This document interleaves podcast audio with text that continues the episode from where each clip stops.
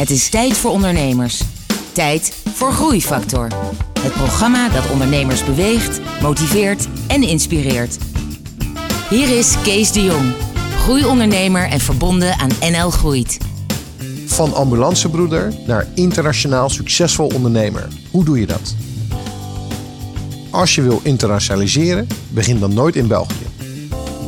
En waarom je beter 30% per jaar kunt groeien dan 40%.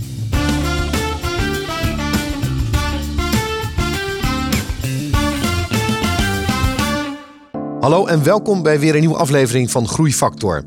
Vandaag spreek ik met Pieter Josiassen van Medisol. Pieter, welkom. Ja, dankjewel. Um, Pieter, Medisol, dat is een uh, bedrijf, en ik ga het woord één keer proberen te zeggen, die doet in defibrillators. In één keer goed. Ja? Ja, ja, ja klopt. Ja. Maar, maar vanaf nu zeggen we AED's. AED's, ja, klopt. Ja, defibrillator en AED's is overigens niet precies hetzelfde. -huh. uh, uh, AED staat voor automatische externe defibrillator. Ja. Om het woord toch nog maar een keer te noemen.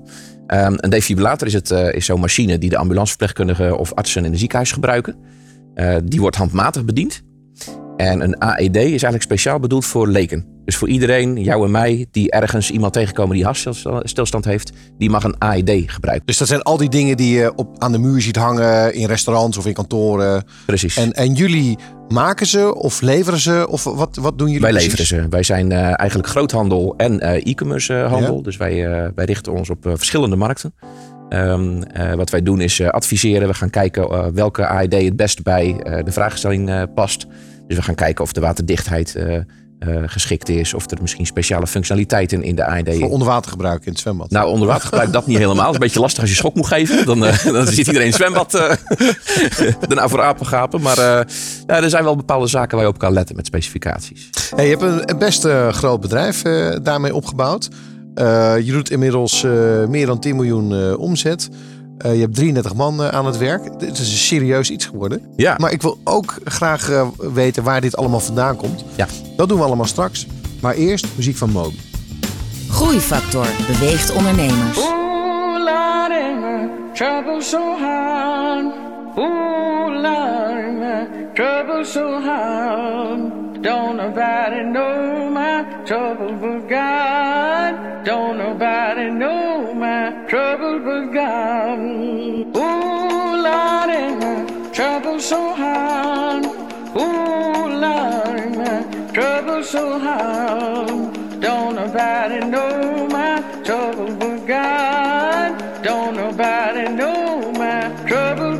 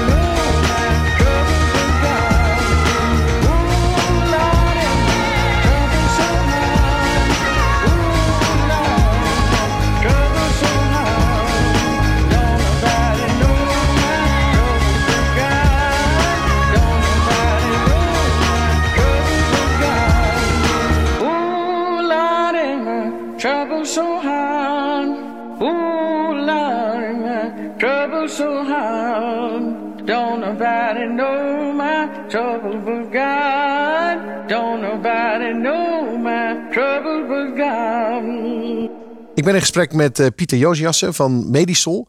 Ehm, Pieter, hoe is dit begonnen, dit defibrillatorbedrijf? Ja. ja, het heeft zijn oorsprong eigenlijk in de ambulance. Ik ben eh, van oorsprong eh, intensive care en ambulanceverpleegkundige. En eh, naast het werk op de Wel- Welke ambulance... opleiding heb je dan gedaan? HBOV, eh, HBO Oké. verpleegkunde. Ja. Oké. En als je HBO verpleegkunde hebt gedaan, dan kan je daarna in een ziekenhuis ervaring opdoen. Vervolgens, als je ervaring hebt opgedaan in een ziekenhuis, kan je specialiseren. Ja. Dat kan bijvoorbeeld richting de spoedeisende hulp of richting intensive care. Eh, ik heb het gedaan richting intensive care. En eh, pas met die vooropleiding kan je doorstromen naar de ambulance. Omdat je als ambulanceverpleegkundige best behoorlijk wat eh, kennis en ervaring eh, eh, als bagage moet hebben voordat je snelle beslissingen kan nemen op de Oké, ambulance. dus dat heeft ook nog een soort status ding. Dus ja, eigenlijk nou, zijn status mensen... niet, maar echt ervaring. Ja, je, je, je komt niet zomaar op de ambulance. Het heeft echt behoorlijk wat een opleidingstraject voordat je kan gaan werken op het busje, zo gezegd. Ja. Oké. Ja. Dus mijn, mijn achtergrond zit in ziekenhuizen en Ja. ambulancewereld. En, een En, en hier de- hebben we al een beetje de link te pakken waarschijnlijk. eh, ja, klopt. Ja, ja, ja, ja, die voel je wel aan. Hè? Ja, Ja. ja. klopt. Ja, ja. Ergens had jij je, je 28e patiënt gered. En toen dacht jij, oké, hier moet ik iets mee doen. Nou, er zit wat, wat een, een vloeiendere overgang in. Dus Mhm. eh, op de ambulance moet je vaak wachten tot er oproepen zijn. Mhm. En dan kan je twee dingen doen. Je kan uh, filmnet aanzetten en een hele avond film kijken. Je kan ook wat websites gaan bouwen. En dat deden wij hobbymatig. Uh, ikzelf en mijn partner destijds, um, zakenpartner, zijn begonnen met websites bouwen voor de zorg en de hulpverlening. Ja. En via een min of meer natuurlijke weg zijn die websites zijn webwinkels geworden. En de webwinkels uh, heeft zich toegeleid dat we één specifiek product gingen verkopen. En dat is de AED. Dus eigenlijk terwijl jij aan het wachten was totdat er weer iemand van de ladder was afgevallen. Ja, ja. Zag jij eigenlijk websites ja, ja, klopt. Ja, ja, klopt. Ja. Maar, maar zonder opleiding. Je hebt dus niet ergens geleerd om dat te doen. Je, hebt, je bent nee, gewoon nee. dat gaan doen. Dat zijn we zelf gaan doen. Ja, klopt. Ja. Dus alles is met uh, uh, goed gevoel, uh, gezond verstand en nuchtere Zeeuwse achtergrond, zeg maar, zijn we zover gekomen. Ja, ja, want je komt uit, uit Terneuzen, hè? Uh, nou, uit, ik, ik, uit, uit, Zeeland. Ja, ik heb verschillende plekken gewoond, maar wel uh, meestal in Zeeland. Oké. Okay. Ja. Um, maar, maar jij besloot dus ergens ook om afscheid te nemen van die ambulance dienst. Ja, klopt. Ja. Ik, ik deed eigenlijk drie verschillende zaken. Ik deed uh, het ambulancewerk. Uh, daarnaast was ik ook uh, instructeur. Ja. docent-instructeur. Dus ik deed heel veel instructie geven aan bijvoorbeeld huisartsen op spoedeisende geneeskundegebied. Um, maar ook aan instructeurs die andere mensen weer moesten opleiden. Dus zeg maar instructeur van de instructeurs op AED-gebied. Um, en daarnaast had ik mijn bedrijf intussen, uh, Medisol. Dus uh, drie verschillende zaken. Die, en en Medisol, dat die deed toen alleen maar websites bouwen eigenlijk? Uh, in de beginfase wel. En ja. later zijn we eigenlijk veel meer richting de e-commerce gegaan. Ja, die, die webshops Klopt. met het verkopen van die... Ja. ja. Hey, maar dit vind ik wel interessant, want... Het, het mooie aan mensen in de zorg, mm -hmm. vind ik, die zijn heel intrinsiek gemotiveerd. Ja. He, die willen die willen ook echt mensen helpen. Die ja, zijn daarvoor ja, opgeleid en die ja, vinden dat. Ja. Ondernemers zijn op een andere manier gewired. Ja. Die willen toch iets, hè, iets bereiken, die willen, die willen toch iets bouwen, die willen iets groot maken. Mhm. Mm -hmm. En dat zijn vaak dingen die niet altijd, hè, vaak dingen die niet met elkaar samengaan. Nee, klopt. Ja. Qua motivatie wel. Er zit natuurlijk ontzettend veel spirit in. De, de, de achterliggende motivatie is heel sterk. Dat, dat watgene wat je zelf al aangeeft. Hè. Ondernemers hebben dat en dat heb ik ook heel sterk. Mm -hmm. Hetgene waar ik mezelf wel eens eh, wat afwijkend in vind, eh, dat is dat ik geen commerciële achtergrond heb. Dus ik ben vanuit die zorg ben ik ingestroomd. En eh, puur vanuit de motivatie van mezelf, omdat ik het ontzettend leuk vond om mensen te adviseren voor welke AED ze precies nodig hadden. Eh, dat is uiteindelijk een beetje de drijf geworden van het bedrijf. En ehm, wat je zo ook ziet, het motto eh, van, van Medisol is ook saving lives. Dat deed ik op de ambulance, eh, rechtstreeks met patiënten. Ehm, niet alles is levensreddend, maar natuurlijk, er kwamen heel vaak eh, reanimaties voor. En nu doe ik dat indirect door de verkoop van AED's, door mensen te informeren over hoe belangrijk een AED is. En uiteindelijk is dat nog steeds een beetje de missie in mijn leven. Ja. Hey, en, en binnen hoeveel tijd heb je dat gedaan? Wanneer ben je het gestart? We zijn in eh, 2001 gestart met de basiswebsites. Dan zijn we rond 2004 zijn wij eh, gestart met e-commerce, waarbij ook eh, de AED En, eh, eigenlijk... deed je toen al deed je toen allebei? Of was je toen al helemaal naar Medisol? Nee, ik werk nog steeds op de ambulance. Oké. Ja, ik ben in eh, eh, 2010 gestopt met ambulancewerk. Oké.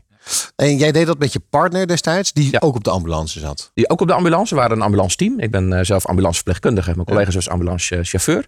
Eh, dus wij zaten ook vaak als koppel op het busje, Ja. zo gezegd. Dus wij konden ook in de loze uurtjes wat werk doen. Dus zo is het eigenlijk eh, oorspronkelijk ontstaan. Ik kan me Ja. zelfs eh, een eh, situatie herinneren dat, ik, dat, dat een klant belde die iets wilde weten over een website. En we waren met een, een spoedrit bezig, maar er was een vrij lange aanrijdtijd. Dus soms kan het wel eens een, een kwartier duren voordat je ter plaatse bent. Dus ik dacht, ja, ik neem heel snel even op om aan te geven van dat we bezig zijn. Dus van, eh, met, met die toeters en bellen op de achtergrond, sirenes. zo van, ja, het komt op dit moment even niet zo heel erg lekker uit. Kan ik je zo meteen terugbellen? dat was een situatie die, eh, die toen wel voorkwam. Dus ja, dat zijn echt van die, van die situaties. Beetje awkward, maar zo werkte het wel. Ja. Hey, in 2010 voor het EGI. Ja. Wat, wat gaf de doorslag dat jij en jouw compagnon toen dachten, oké, weet je wel, nu... Ja, het, het werd gewoon te groot om het ernaast te doen. Gewoon simpelweg. Je moet op een gegeven moment keuzes maken eh, in je leven. Ik vond de ambulance ook nog geweldig. Ik ben met, met geen enkele dag ben ik met eh, tegenzin naar mijn werk gegaan. Op de ambulance. Eh, ik zou het eigenlijk zo weer doen. Alleen ja, een dag heeft maar 24 uur. En je moet ergens keuzes maken. Ja. En ehm, omdat het bedrijf goed ging, dat ging eigenlijk niet met halve aandacht. Dus we moesten op een gegeven moment echt beslissen van ja, dan moet je gewoon fulltime voor je bedrijf gaan werken. Ja. En dat hebben we ook gedaan. Hey, en, en zat er in het begin nog een verschil tussen wat jij deed en wat jouw compagnon deed? Eh, ja, Eh, in het begin was het verschil niet zo heel groot. Maar dat is hoe groter het bedrijf werd, eh, hoe groter die verschillen werden. In het begin deden wij zelf allebei ontwerp van websites, wat programmeerwerk, klanten benaderen. We hadden eigenlijk allebei onze eigen klanten. Ehm, vervolgens in de webwinkeltijd hield mijn compagnon zich meer bezig met de techniek achter de websites. En ik hield me bezig met, met financiële zaken. Ehm, en later, eh, al gelang het bedrijf groter werd, was ik eigenlijk meer degene die het managen erg leuk vond. Eh, en dat is ook hetgene wat, eh, eh, wat mijn collega eigenlijk steeds meer is gaan tegenstaan. En dat is ook de reden geweest waarom hij uiteindelijk zijn aandelen aan mij heeft overgedragen. Ja. Hij, hij had gewoon het gevoel van ja, dit is niet meer het werk wat ik vroeger deed. En hij vond daar zijn passie niet meer in zitten. Nee. Terwijl ik dat eigenlijk wel had. Ik ben een van de weinige ondernemers die dat wel leuk vindt. En ik hoor van heel veel ondernemers het niet leuk vinden. En dat ze terug verlangen naar de beginperiode van lekker praktisch bezig zijn. En dat heb ik eigenlijk gelukkig niet. Dus ik, ik vind dit een hele leuke fase. Ik vind het ontzettend leuk om bedrijf juist groter te zien worden. Om eh, de juiste mensen in te schakelen. Eh, eigenlijk om ervoor te zorgen dat ik zelf de domste ben in eh, de boardroom, zou maar even te Ja. zeggen. Dat is eigenlijk, die vond ik altijd wel heel erg leuk. Ja. En ik, dat is ook wel een goed streven, denk ik. Gewoon zorgen dat En, je zelf... en, en, en met succes, want jij hebt acht keer in de, je bent acht keer een FD Gezelle geworden. Ja. Nou, dat wil zeggen dat je minimaal 20% eh, per jaar op jaar groeit voor drie jaar. Ja. Je zat in de High Growth Awards. Ja. Eh, dus, dus ja, dat zijn allemaal groeiprijzen en klopt, ja, ja, klopt. Ja.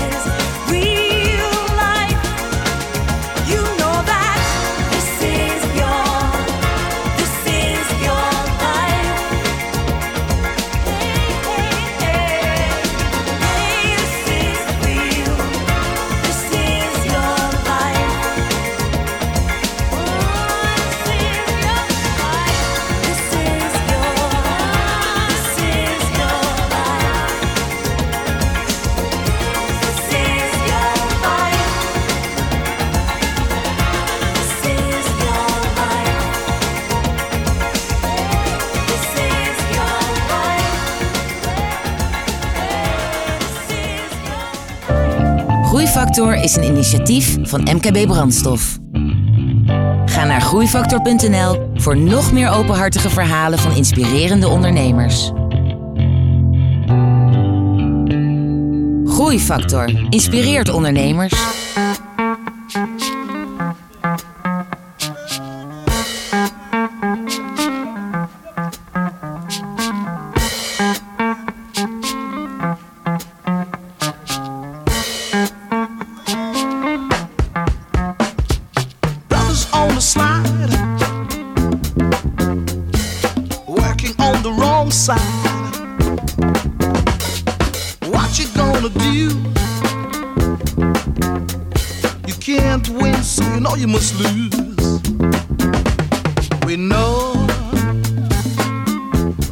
Which way you're going.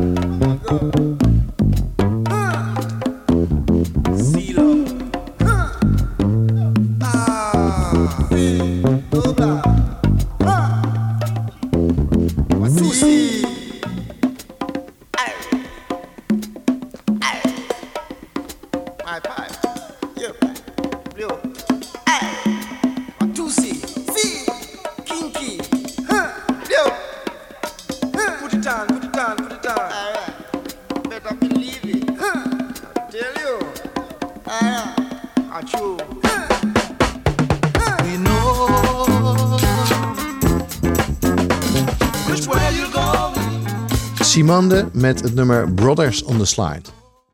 Pieter, nog even naar die, eh, naar die beginperiode dat je bent gaan groeien. Want ehm, eh, je- je- op een gegeven moment ben je mensen gaan aannemen. Wat voor mensen waren dat? Hoe, hoe kwamen die erbij? En, en hoe heb je geleerd hoe je dat moest doen? En hoe je mensen moest, moest, moest leiden en managen en sturen? Ja, de eerste mensen die wij aannemen waren eigenlijk eh, eh, min of meer eh, relaties en bekenden die eh, wij gevraagd hebben om ook in ons bedrijf te komen. Kwamen die Eh, ook van de ambulance? Of, eh, Ehm, nee, die kwamen wel, maar wel uit de directe omgeving. dus mensen die we via via kenden of waarvan we dachten van nou, dit zijn wel hele geschikte mensen om bijvoorbeeld klantenservice voor ons te gaan doen binnen een bedrijf.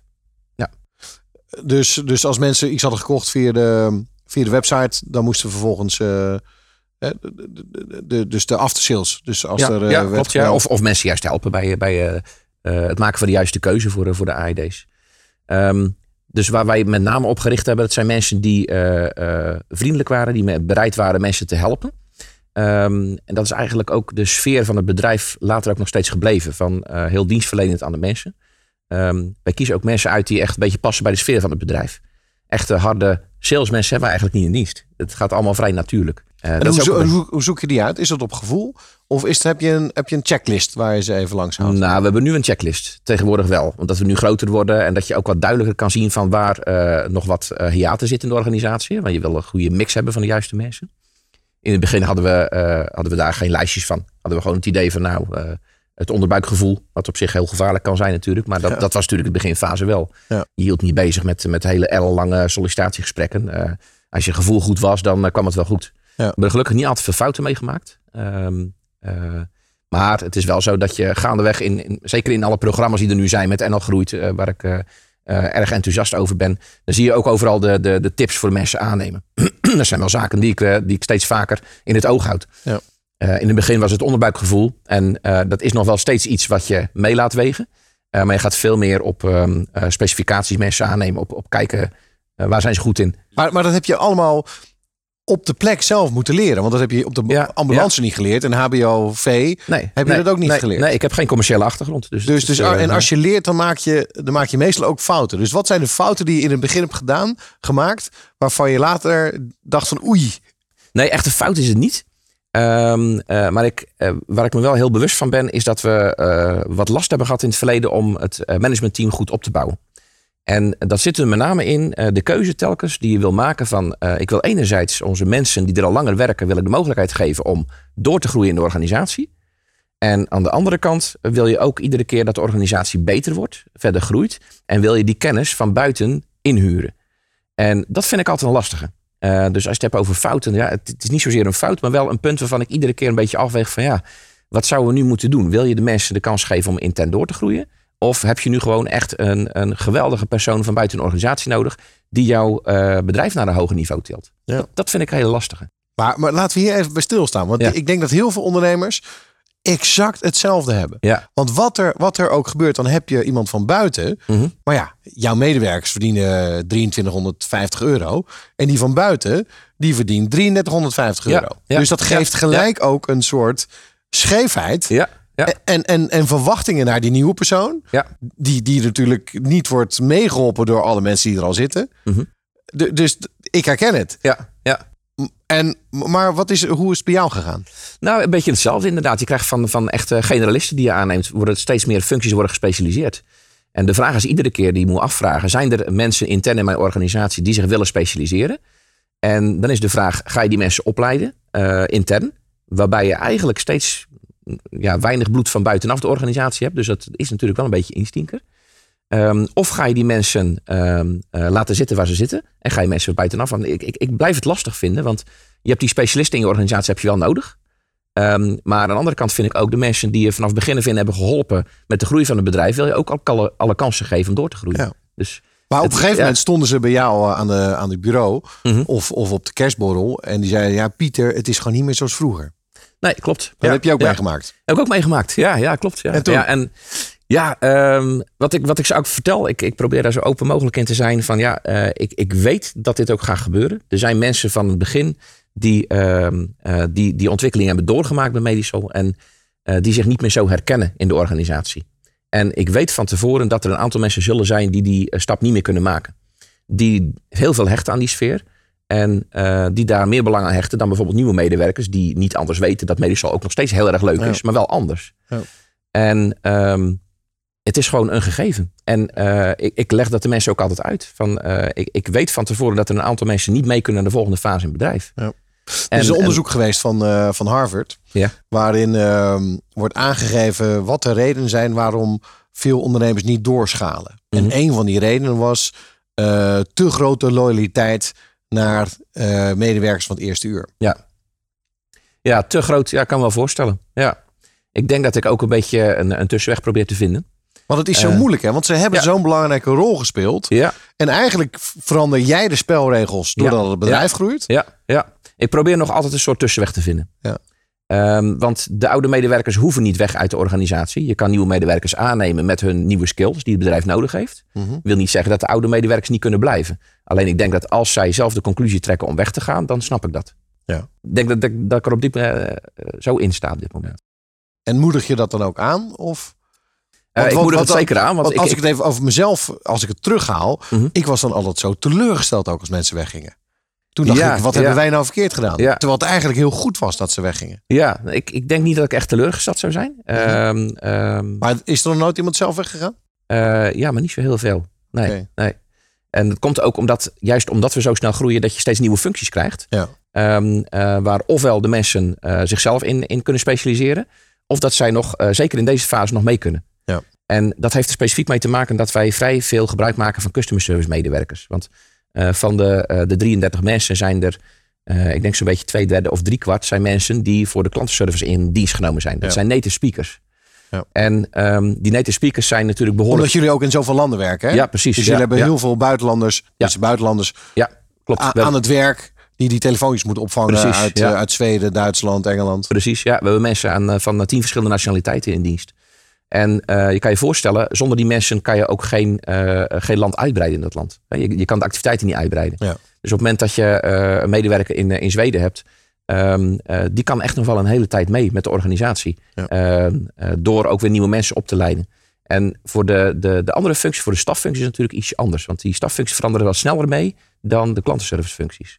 Dus misschien dat wij nog wel vaker dat gaan tegenkomen wat je net zegt. Ja. Misschien dat dat juist de komende jaren nog wel een veel eh, eh, hotter item gaat worden. Ja. Ik wil eh, straks met je verder praten over je eigen ontwikkeling. van ambulance medewerker naar beginnend ondernemer, websitebouwer. Eigenlijk nu naar leider hè, van, van een relatief groot bedrijf. Mhm. Ehm, maar we luisteren eerst naar muziek van Manu Chao.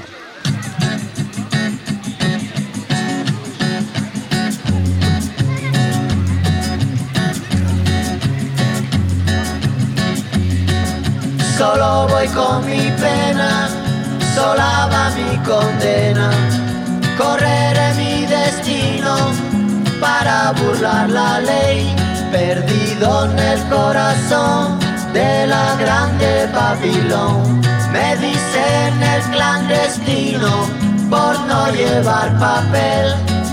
Pa' una ciudad del norte yo me fui a trabajar. Mi vida la dejé entre Ceuta y Gibraltar. Soy una raya en el mar, fantasma en la ciudad. Mi vida va prohibida, dice la autoridad.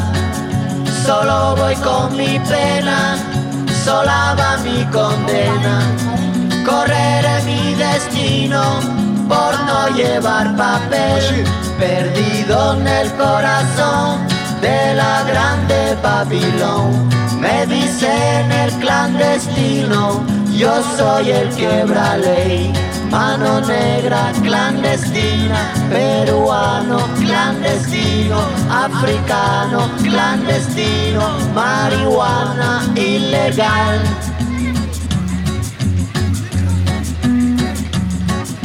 Solo voy con mi pena, sola va mi condena.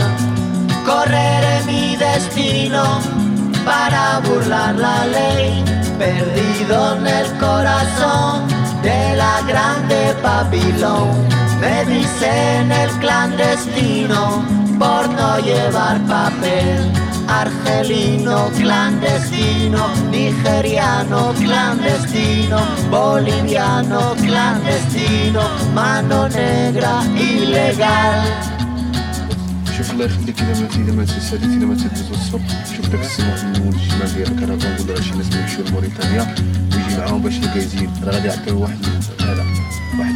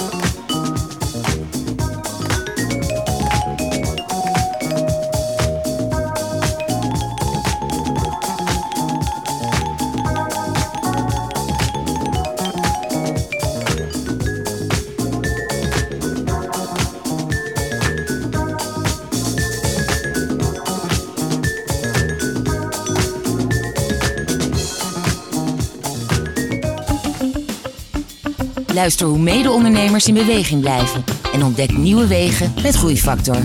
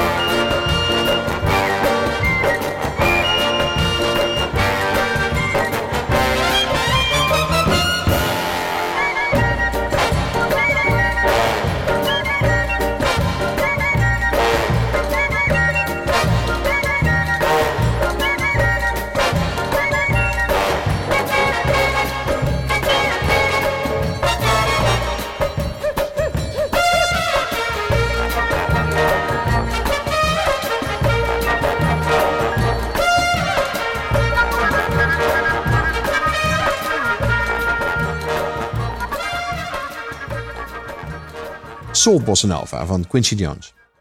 Ik ben in gesprek met eh, Pieter Josiassen van Medisol. Ehm, Pieter, jij hebt zelf ook een belangrijk pad afgelegd.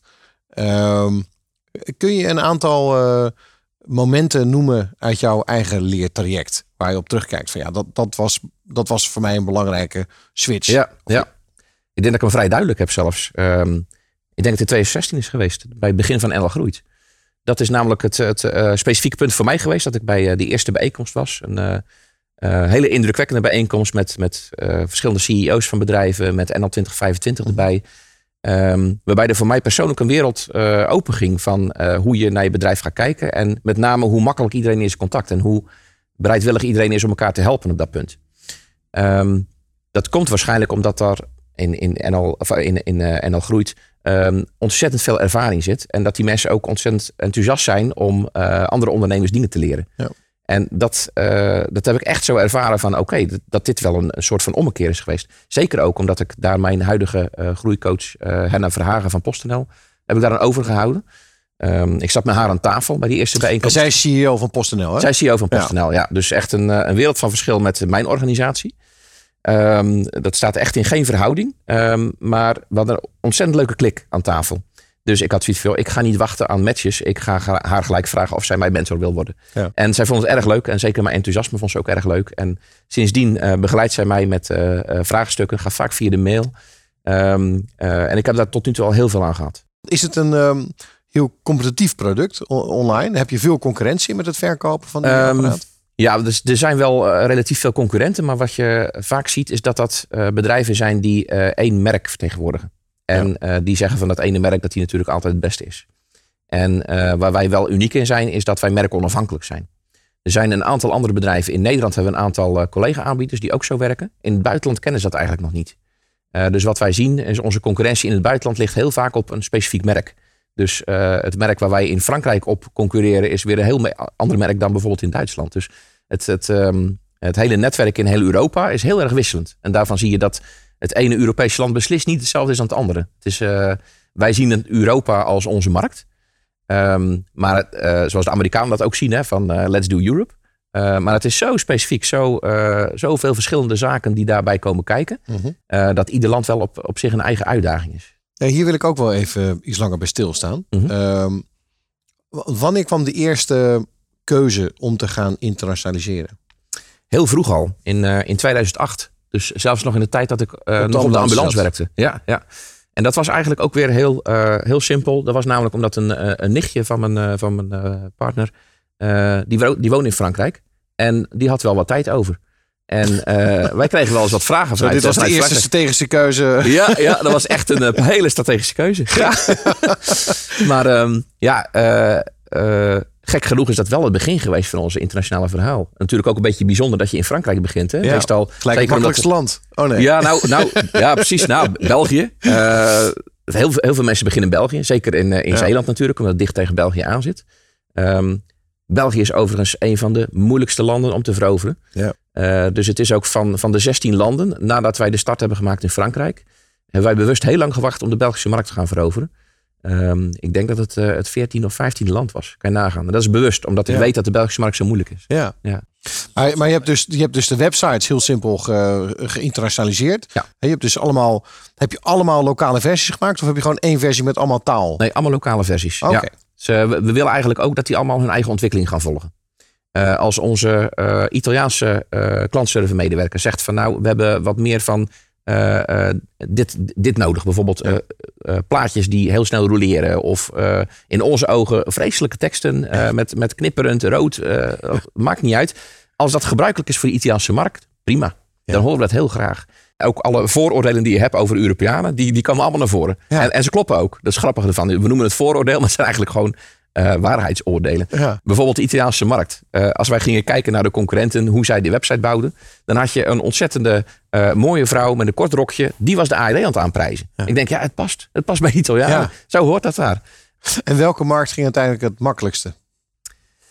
Ik denk dat we eh, de Scandinavische markt, dat we daar ehm, eh, in korte tijd een hele stabiele, goede organisatie hebben neergezet. Ja. Bijvoorbeeld nu in Denemarken eh, zijn we bijna al marktleider in, in een kleine drie jaar tijd. Dus dat, dat is ook dankzij medewerker die ontzettend goede zaken daar heeft gedaan. Ehm, maar denk ik ook gedeeltelijk omdat de Scandinavische markt dicht bij de Nederlandse markt ligt. Dus je hoeft daar niet zo heel veel van te leren. Je hoeft niet zo ver van jezelf af te gaan staan om die markt te bereiken. Ja. Er zijn, zijn over het algemeen ook vrij nuchtere mensen in, eh, Ja. in, eh, in Scandinavië. Pieter, dit is ook een eh, muziekprogramma. Heb jij in relatie tot je werk en bedrijf iets met muziek? Ehm, ja, ik ben heel breed eigenlijk in mijn muziekkeuze. Ik heb altijd radio opstaan sowieso. Maar ehm, het varieert eigenlijk van rap tot, tot pop. Eh, ehm, heel, heel brede muziekkeus. Ik moet zeggen dat eh, eh, richting de R&B of de, dat, dat trekt me eigenlijk wat minder. Ehm, maar ik had net al aangegeven van eh, als je dan iets moet kiezen waar ik dan wel interesse heb is Lenny Kravitz. Dus wat mij betreft, als je een nummer van Lenny Kravitz kan draaien, dan zou ik het toejuichen. Gaan we doen. We zoeken wat op wat bij het programma past.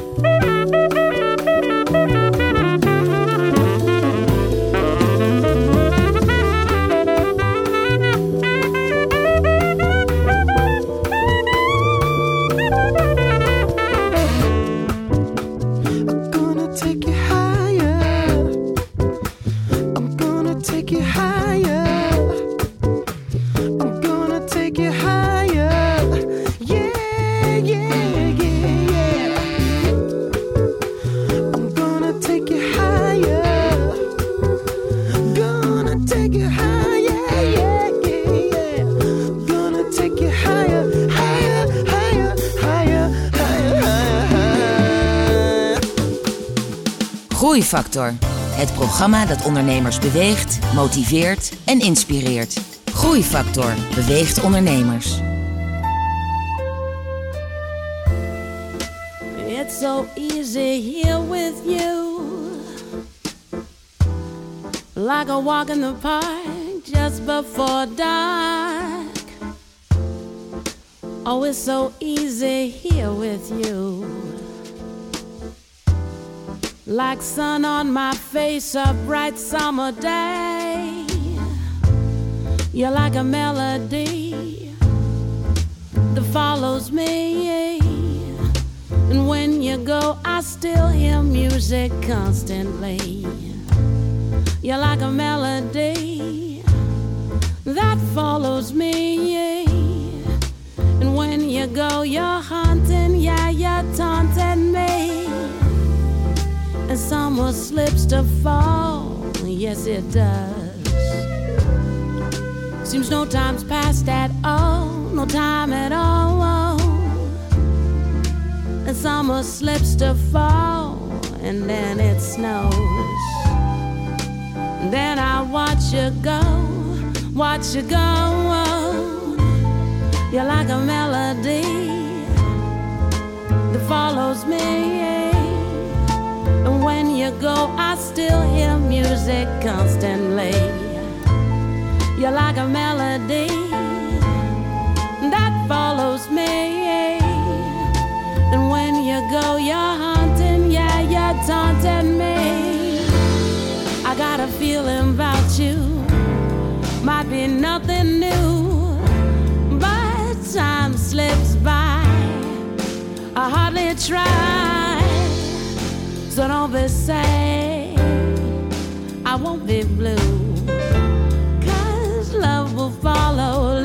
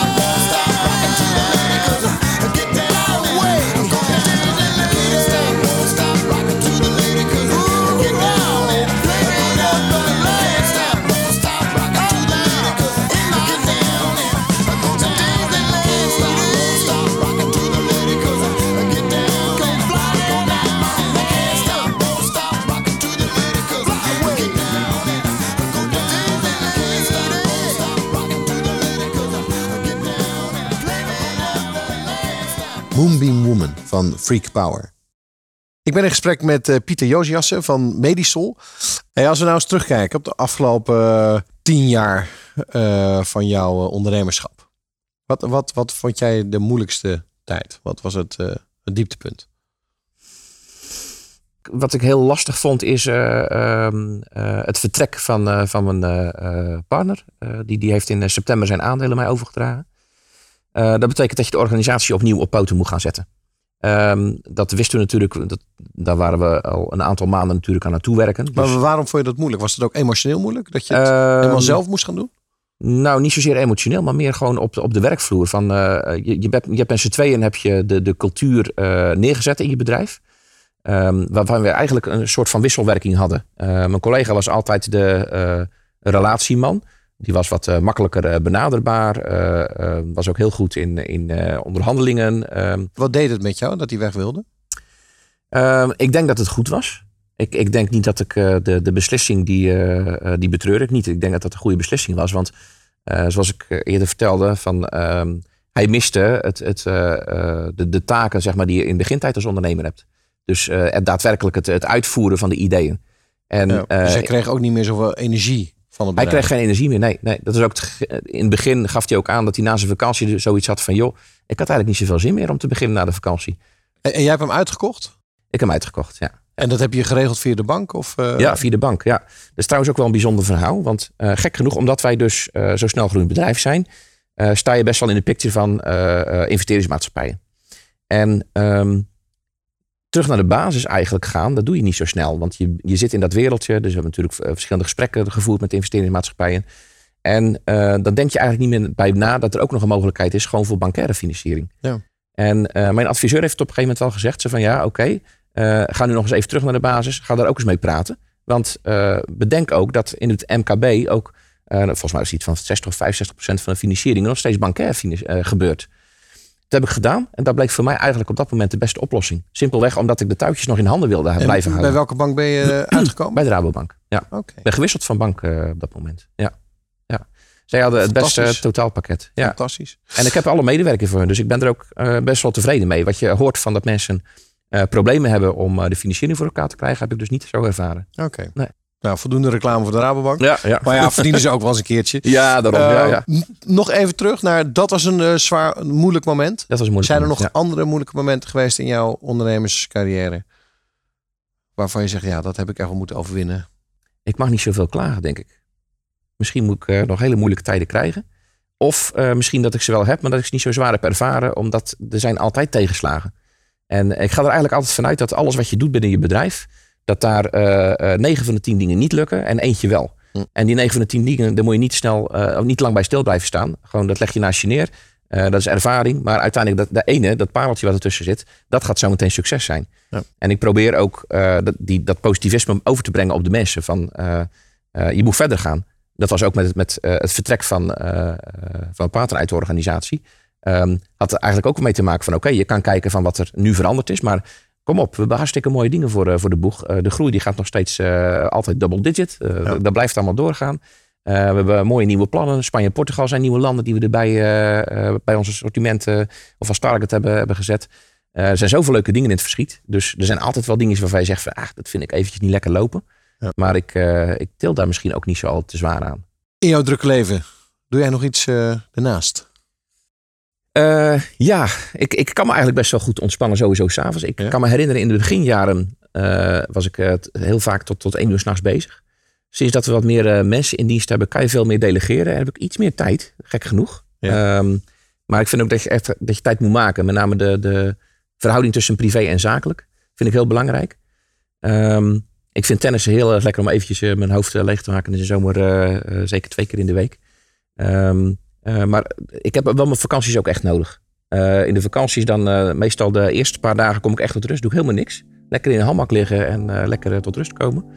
En dan meestal begint ik, begin ik tegen het eind van mijn vakantie begin ik al te merken dat de plannetjes alweer komen. Dan betekent ook dat ik echt weer nodig aan het werk moet. Omdat Ja. er van alles borrelt en bruist. En dan moeten de plannen uitgevoerd worden. Dus dat betekent ook dat je lichaam er echt weer helemaal aan toe is om vol er tegenin te gaan. Openhartige gesprekken met inspirerende ondernemers. Je luistert naar Groeifactor.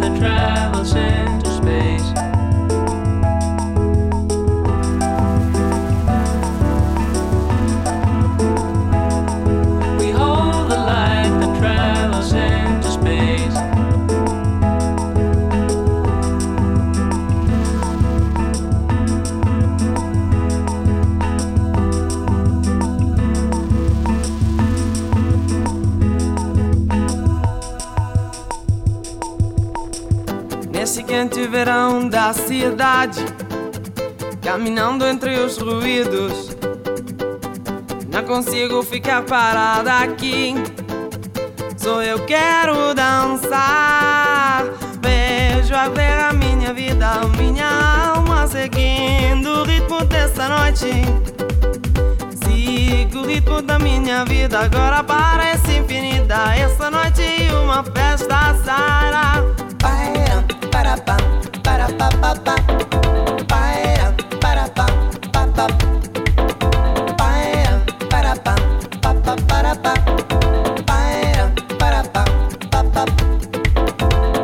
de repente o verão chegou, sinto ainda o teu sabor. Quando este dia vai terminar, outro sonho levará. Minha alma seguindo o ritmo dessa noite. Sigo o ritmo da minha vida Agora parece infinita. Essa noite uma festa sará Sou céu, terra e mar Navio navegar ao ritmo desta vida. Lua, noite para dançar Dançar até amanhã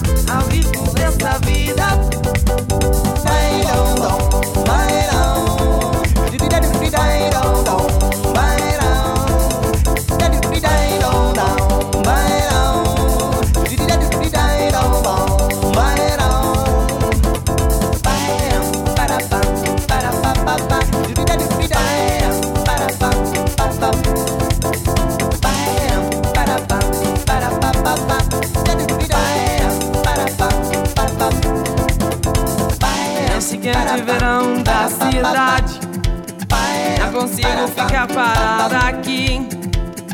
De repente outro verão chegou.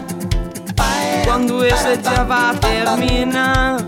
Sou céu, terra e mar. Navio navegar ao ritmo dessa vida. Lua, noite para dançar. Dançar até amanhã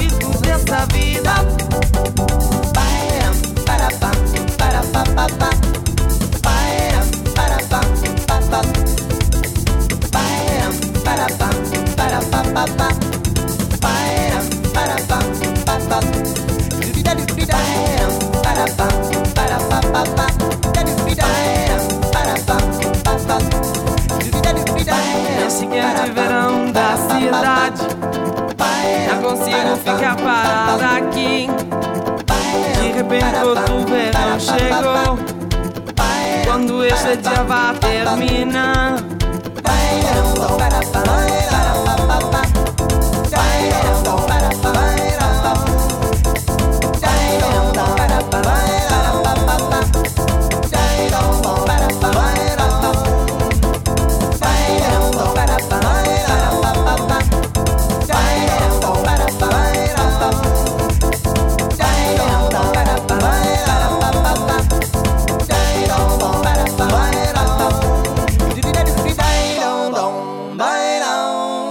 luisterde naar Ritmo desta Noche van Lisa en Sonido. En daarvoor hoorde je muziek van Zero Seven. Ik ben in gesprek met eh, Pieter Joosjassen. Eh, Pieter, ik ga toch de vraag stellen. En dat is, eh, je bent binnen 10 jaar van 0 naar eh 10 miljoen euro omzet gegroeid. Ehm, maar als dat kan, dan zou je eigenlijk in drie jaar ook naar 50 miljoen omzet kunnen groeien. Want dat zit er dan in. De markt is er. Dus naarmate je beter, slimmer en agressiever eh, wellicht eh, gaat eh, ondernemen. Mhm. Dus even de vraag, waarom ben je nog niet groter? Ja, dat is wel leuk, ja. Ehm, ik denk dat het bij mij eigenlijk min of meer wel bewust is. Want ehm, ik vind voor gevoelsmatig dat je ook te snel kan gaan. Wij groeien nu de afgelopen jaren iedere keer met 30% per jaar. Dat is voor mij het perfecte groeitempo. Want de mensen die je aanneemt kunnen op tijd wennen aan de cultuur. Eh, tegen de tijd dat nieuwe mensen komen, zijn de andere mensen weer net ingewerkt. We kunnen op deze manier net onze financiering rondbreien. We hebben geen investeerders nodig, maar via bankaire financiering waar we het over gehad hebben. Eh, dus eigenlijk past het gewoon lekker in je tempo. Het staat gewoon als een huis, de organisatie. Ehm, dus ik vind dat heel prettig. Eh, sterker nog, we hebben in het verleden wel eens een keer een periode gehad dat we eh, boven de 40% groei uitkwamen. Dat hoefde voor ons niet zozeer. Dus we hebben een aantal eh, campagnes even op de hoogte gezet. Bijvoorbeeld AdWords Om ons te kunnen focussen op de landen om te voorkomen dat daar de kwaliteit naar beneden zou gaan. En eh, tot nu toe hebben we daar een hele goede mix in gevonden. En dat wil ik eigenlijk graag zo volhouden. Dus, ehm, Hey, en kijk eens vooruit. Waar gaat het naartoe? Ehm, we hebben wel eens berekeningen gemaakt voor als je gaat kijken van wat wij nu als marktaandeel in Nederland hebben. Ehm, eh, zou het ook heel goed mogelijk moeten zijn dat wij dat marktaandeel in heel Europa eh, gaan krijgen. En ik heb daar zelf berekeningen over gemaakt ehm, en dan gecorrigeerd naar eh, bruto nationaal product. Omdat je eh, omzet in Albanië is wat anders dan omzet in Nederland. En ehm, daar kwamen we eigenlijk met berekeningen ver over de 100 miljoen. Dus dat moet eh, makkelijk kunnen. Ik denk dat dat ook geen, geen utopie is. Ehm, maar ik, ik, ik zit niet zozeer op die omzet, maar meer op een doel wat eigenlijk veel meer past bij het motto van ons bedrijf, bij Saving Lives. Ehm, onze stippende horizon, dat is iets wat ik echt geleerd heb via NL Groeit, ehm, eh, is dat wij in 2025 dat iedere Europeaan binnen zes minuten een AED tot zijn beschikking heeft. Dus dat betekent dat ehm, eh, eh, na zes minuten, die zes minuten is specifiek bedoeld op het moment dat iemand een hartstilstand krijgt, dan kunnen je hersens nog een paar minuten zonder zuurstof. En na zes minuten wordt je overlevingskans, iedere minuut dat het langer duurt, wordt 10% minder. Oké. Dus je moet heel snel reageren. Dus het betekent dat als iemand een hartstilstand heeft en je gebruikt een AED, dat de overlevingskansen ontzettend vele malen beter worden. En eh, dat is ons doel. Dus binnen heel Europa willen we dat iedereen binnen zes minuten die AED eh, te pakken kan krijgen. En, en nu hoor ik ook weer een beetje die ambulancebroeder eh Ja, dat zit er weer, eh, wel weer in. terug. Ja, maar dat, is, nee, maar dat is het mooiste van jouw bedrijf. Dat je op die Ja, manier ja. bent ben gewired. Ja, En dat je toch ook die, die, die combinatie weet te maken. Ja. Ik begin ook als mensen uit te leggen van wat ik ook doe, begin ook altijd uit te leggen. Stel je voor dat we hier, dat iemand van ons nu een hartstilstand krijgt. Dan vraag ik altijd aan de mensen van, er wordt gelijk 112 gebeld. Wat denk je dat de overlevingskans is van, eh, van die persoon? Wat denk jij zelf? Als wij als we hier nu alleen 112 bellen. Ehm, 50 procent? Ja, 9 procent. Minder dan 10 procent. Stel je voor, eh, hier zitten mensen hier ook in de studio, dat die kunnen reanimeren. Eh, dus stel je voor. Nou, laat ik zeggen, ik ben blij dat jij hier naast mij op de bank Ja, zit. oké, ja, ja, ja. Eh, als er gereanimeerd wordt en, en gebeld, dan verdubbelt het al Ja. naar de 20 procent. Maar dat is nog maar 20 procent. Dus 1 op de 5. En met een AED? 70 procent. Dat toont wel aan. Het is echt zo ontzettend eh, eh, shocking, letterlijk en figuurlijk. Eh, het, het kan zoveel mensenlevens redden. Ik heb het op de ambulance gezien. En gelukkig dat er overal AED's verschijnen. Maar het is... Wat, wat, wat kost zo'n ding trouwens? zijn Hebben- er al van minder dan 1000 euro. Hebben mensen hem ook wel eens thuis hangen of niet? Ja hoor, ja, komt ook voor. Ja, ja. Nou ja, ik ben... Dus het eh, is, eh, ja, ik, ik, eh, ik, ik, kan het niet vaak beetje- genoeg beoordelen. Het, het is, je het is bent me een beetje bang aan het maken. Ja. Ik, ik ben nee, nee, nee, ook, beslist eh, niet. Nee, nee, nee, je hebt straks een AED nodig. Is Ik ben, eh, dan, ik ben eh, bijna 50, dus eh, oké. Ja. Ehm, Pieter, we komen aan het eind van het eh, gesprek en dan proberen we toch een aantal inzichten samen te vatten. Eh, laat ik beginnen met eh, de eerste die je heel eh, erg goed gaf. Jij, hebt een, jij eh, zorgt steeds dat je mensen om je heen hebt die het, ook, al- die het een keer hebben gedaan. Hè? Die Mhm. mentoren, je noemde eh, die mevrouw van PostNL. Ehm, en, en, eh, dus dat is een heel mooi inzicht. Weet je? Als je Mhm. verder wil komen, creëer een netwerk van mensen aan die je continu even als een hulplijn eh, kunt Mhm, bellen. mhm. Welke andere dingen zou je nog kunnen noemen? Ik denk dat eh, eh, het positivisme heel belangrijk is. Dus op het moment dat, je, eh, dat de zaken niet lekker gaan, probeer eh, toch die motivatie te pakken door met de plannetjes die wel goed werken, daarmee verder te gaan. En blijf niet te lang stilstaan bij degene die niet gelukt zijn. Ja. Of als je er echt van overtuigd bent dat iets gewoon klopt, dan moet je gewoon doorzetten. Maar dan moet je er ook niet over klagen. Dan Ja. moet je ook gewoon zorgen dat dat gewoon een succes wordt. Ja. Want misschien heb je nog iets over het hoofd gezien. Misschien moet je toch nog een stukje beter doen. Hey, en dan eh, tip nummer drie, doen we er nog even snel bij. Bij als je wil internationaliseren, begin nooit in België. lijkt, lijkt me een hele goeie. Oké, eh, Pieter, eh, enorm bedankt voor dit eh, gesprek. Je hebt echt een, als ambulancebroeder een fantastisch bedrijf neergezet. Waarbij je denk ik daadwerkelijk heel veel levens redt. Meer dan dat je vroeger deed op die ambulance. Ja, ja. Je noemde het getal van die 100. Ja, het getal is niet drijvend, is niet sturend. Maar dat is wel iets waar je natuurlijk ja, vrij makkelijk eh, naartoe kunt eh, werken. En dan, ja, dan maak je echt een impact in de wereld. Ja, ja absoluut. Dus ja. eh, erg inspirerend eh, verhaal. Dus ik wil je daar enorm voor bedanken. ja, jij ook bedankt. Hartstikke leuk. En voor de luisteraars, je luistert naar een aflevering van Groeifactor. Graag tot de volgende uitzending. Groeifactor is een initiatief van MKB Brandstof. Ga naar groeifactor.nl voor nog meer inspirerende verhalen van mede-ondernemers. Groeifactor beweegt ondernemers.